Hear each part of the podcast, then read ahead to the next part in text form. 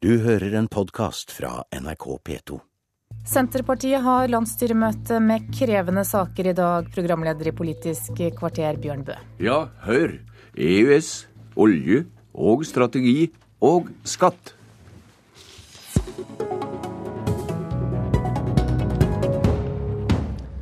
Velkommen i studio, leder i Senterpartiet Liv Signe Navarsete. Tusen takk.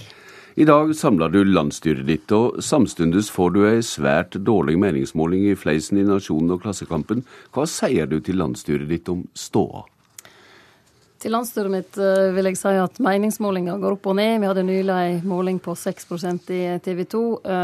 Målinga kommer og går. Det er valget som betyr noe den 9. september.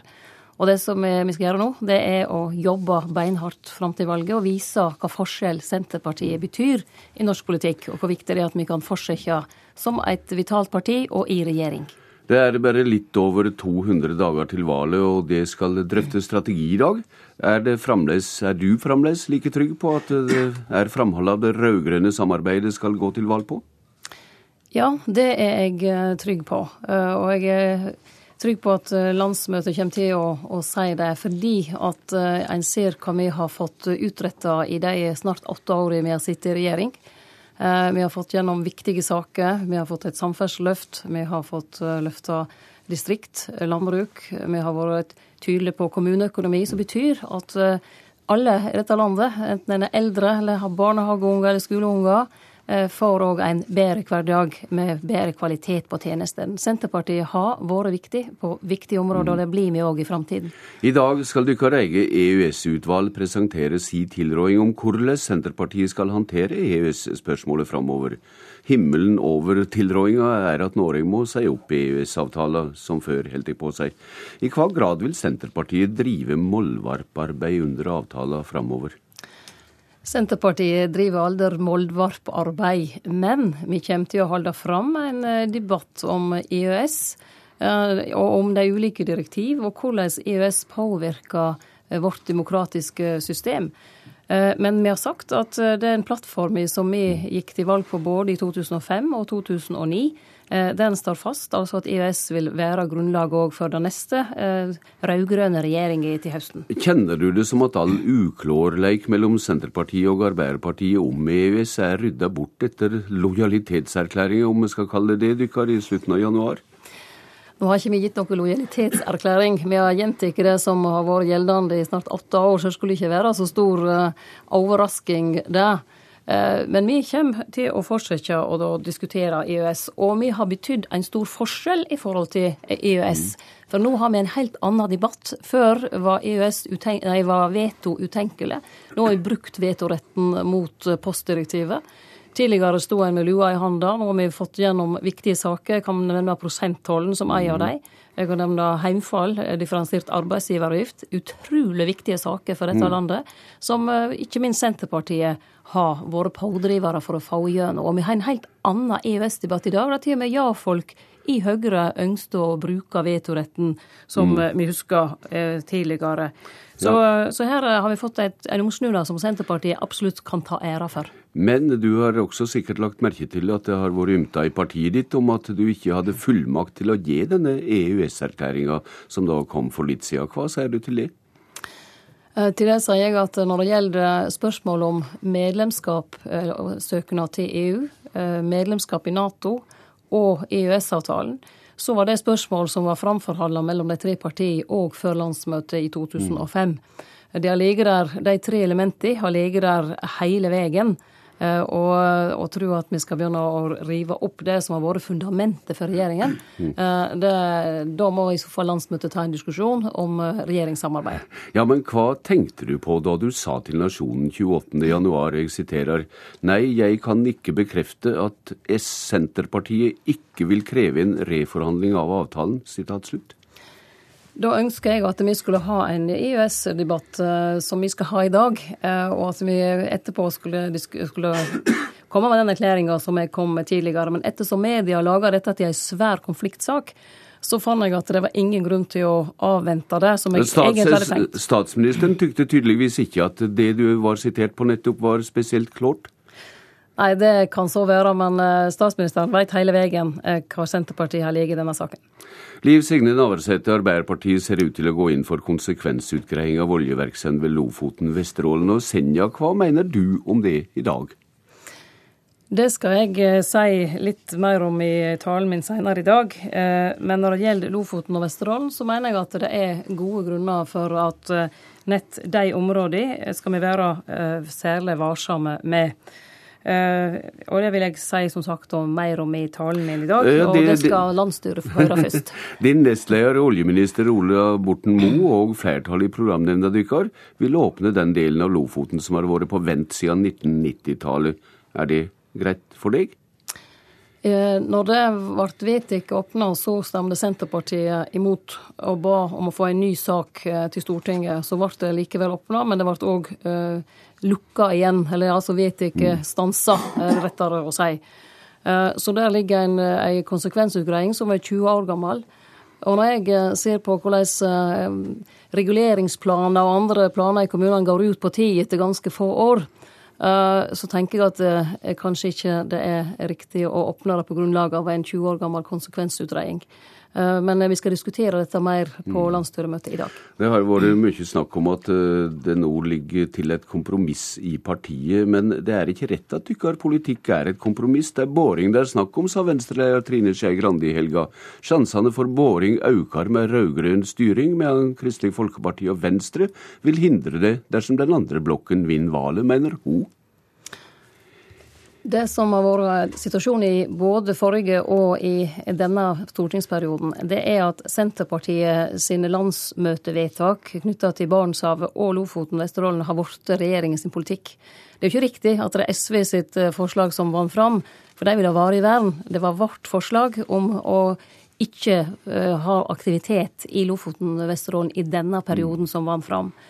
Uh, så når landsmøtet har gjort sitt vedtak, og så får vi avvente hva det blir, Eh, så mm. tror jeg det òg ligger an til å bli et kompromiss. Men eh, om det er det som er såkalla kompromissforslaget, det må da partiet diskutere. Hvor store spenninger mellom vekst og vern kjenner du på at det er i partiet ditt nå?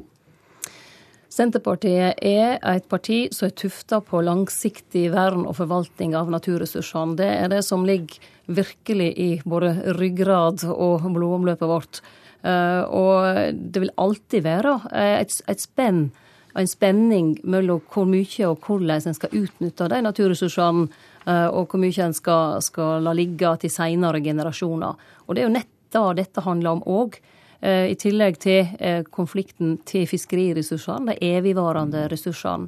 Så dette er en type sak som vi alltid har diskusjoner med Senterpartiet, men som vi òg alltid har greid å lande på en god måte. Det er ikke noe parti som balanserer bruk og vern bedre enn nettopp Senterpartiet, for vi har tydelige interesser på begge sider og tenker alltid langsiktig. Så er det første store diskusjon nå, altså da i landsstyret i dag. Liv Signe Navarsete, i dag har vi hørt deg si at Høyres framlegg om å fjerne formuesskatten er skadelig for distrikta. Hva, hva er dette?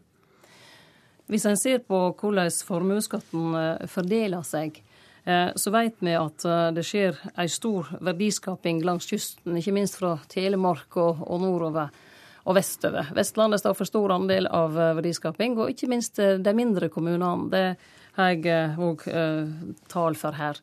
Men ser en på hvor formuesskatten blir betalt, så er det i stor grad i det sentrale strøk. 85% så mye som det går inn fra sentrale strøk. For eierskapen er mer ulikt fordelt.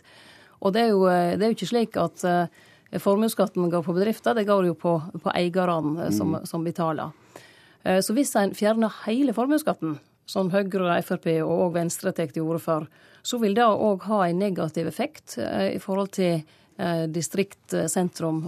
Men hvis en hadde gjort som Senterpartiet ønsker, enten fjerner den på arbeidende kapital, eller øker bunnfradraget ytterligere, som vi har gjort mye nå, så har vi allerede halvert antall selvstendige næringsdrivende som betaler formuesskatt, og 500 000 færre nordmenn gjør det i dag enn de gjorde i 2005. Ja, Hva er den geografiske fordelingseffekten av at Senterpartiet har gått inn for å fjerne formuesskatt på arbeidende kapital, altså driftsbygninger og traktorer og slike ting?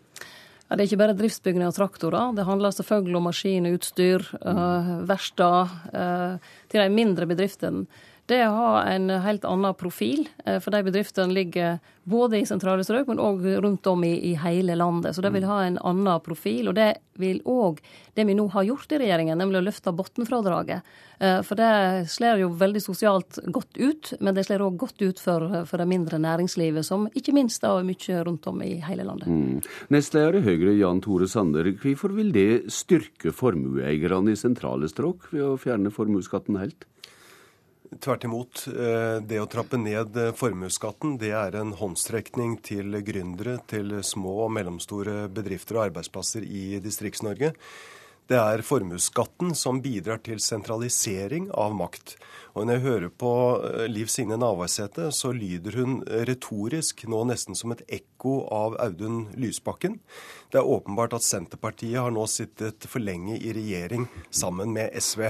Poenget som, eh, som Senterpartiet åpenbart har glemt, det er at verdiene må skapes før de kan brukes. Hovedproblemet med formuesskatten er to ting. Det ene er at det bidrar til en sentralisering av makt. Det andre er at det gir konkurransefortrinn til de multinasjonale selskapene og utenlandsk eh, eide bedrifter i Norge. Det er eh, gründeren eh, i Sogn og Fjordane. Det er eieren i Brumunddal. Det det er familiebedriften i Ulsteinvik. Det er de som må betale formuesskatt ikke de multinasjonale selskapene eller de utenlandsk eide bedriftene i Norge. Så det Senterpartiet gjør, det er å, å, bli en forsvarer av de multinasjonale selskapene, og de straffer det norske eierskapet. Ja, altså du snur spørsmålet om fordelingsvirkninger aldeles på hodet, med andre ord? Ja, jeg gjør det fordi at eh, for de rike, som, eh, som Liv Signe Navarsete snakker om, som kanskje bor i Oslo, så er ikke formuesskatt et stort problem. Men for gründerne, for de mm. små og mellomstore bedriftene i Distrikts-Norge, så er formuesskatt en stor problem, og det gir som sagt et konkurransefortrinn til de utenlandsk eide bedriftene i Norge. Er det på hver deres planet når det gjelder å tolke røyndommen, Navarsete? Ja, Når det gjelder Høyre og formuesskatt, så kan en jo stille seg spørsmål om hvor de henter sin, sine fakta. For nå er jo Erna Solberg tatt i juks. Eh, VG og E24 har jo i flere tilfeller, enten det gjelder ullvarefabrikk eller norske distriktshotell eller gründeren Silje Vallestad, som òg Høyre har vært opptatt av, har vist at det har vært helt feil fakta.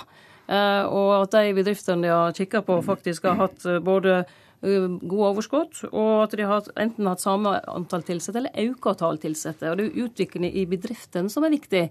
Eh, at eh, en har evner til å reinvestere. Når det gjelder gründere, mm. så, har, så, er de fantastiske folk, men det tar ofte en god tid før de kommer i hele tatt i eh, posisjon til å betale formuesskatt. For eh, det er ofte en del gjeld inne i bildet før eh, en kommer opp og stå som, som gründer. Og jeg òg er for at vi skal fjerne formuesskatten på arbeidende kapital. Mm. Eh, men ikke hele formuesskatten. For det er en så stor sosial skjevfordeling og en så stor geografisk skjevfordeling at det blir helt feil. Som ordstyrer Sander, så må jeg si at her hørte vi skulling om juks, og det er vel på kanten av det parlamentariske når det gjelder omgrep? Ja da, eh, det tar, det tar ikke veldig, veldig, veldig, veldig, tungt. Vi kan gjerne gå inn i hvert enkelt av de eksemplene, men poenget er at Liv Signe Navarsete i regjering hun har doblet skatten på arbeidende kapital. Så hennes troverdighet i formuesskattedebatten, den er lik null. Eh, I 2005 så utgjorde formuesskatten på arbeidende kapital, altså den som rammer de små og mellomstore bedriftene og familieeide bedriftene i Distrikts-Norge, da utgjorde den 3,8 milliarder. I dag så utgjør den nesten 7.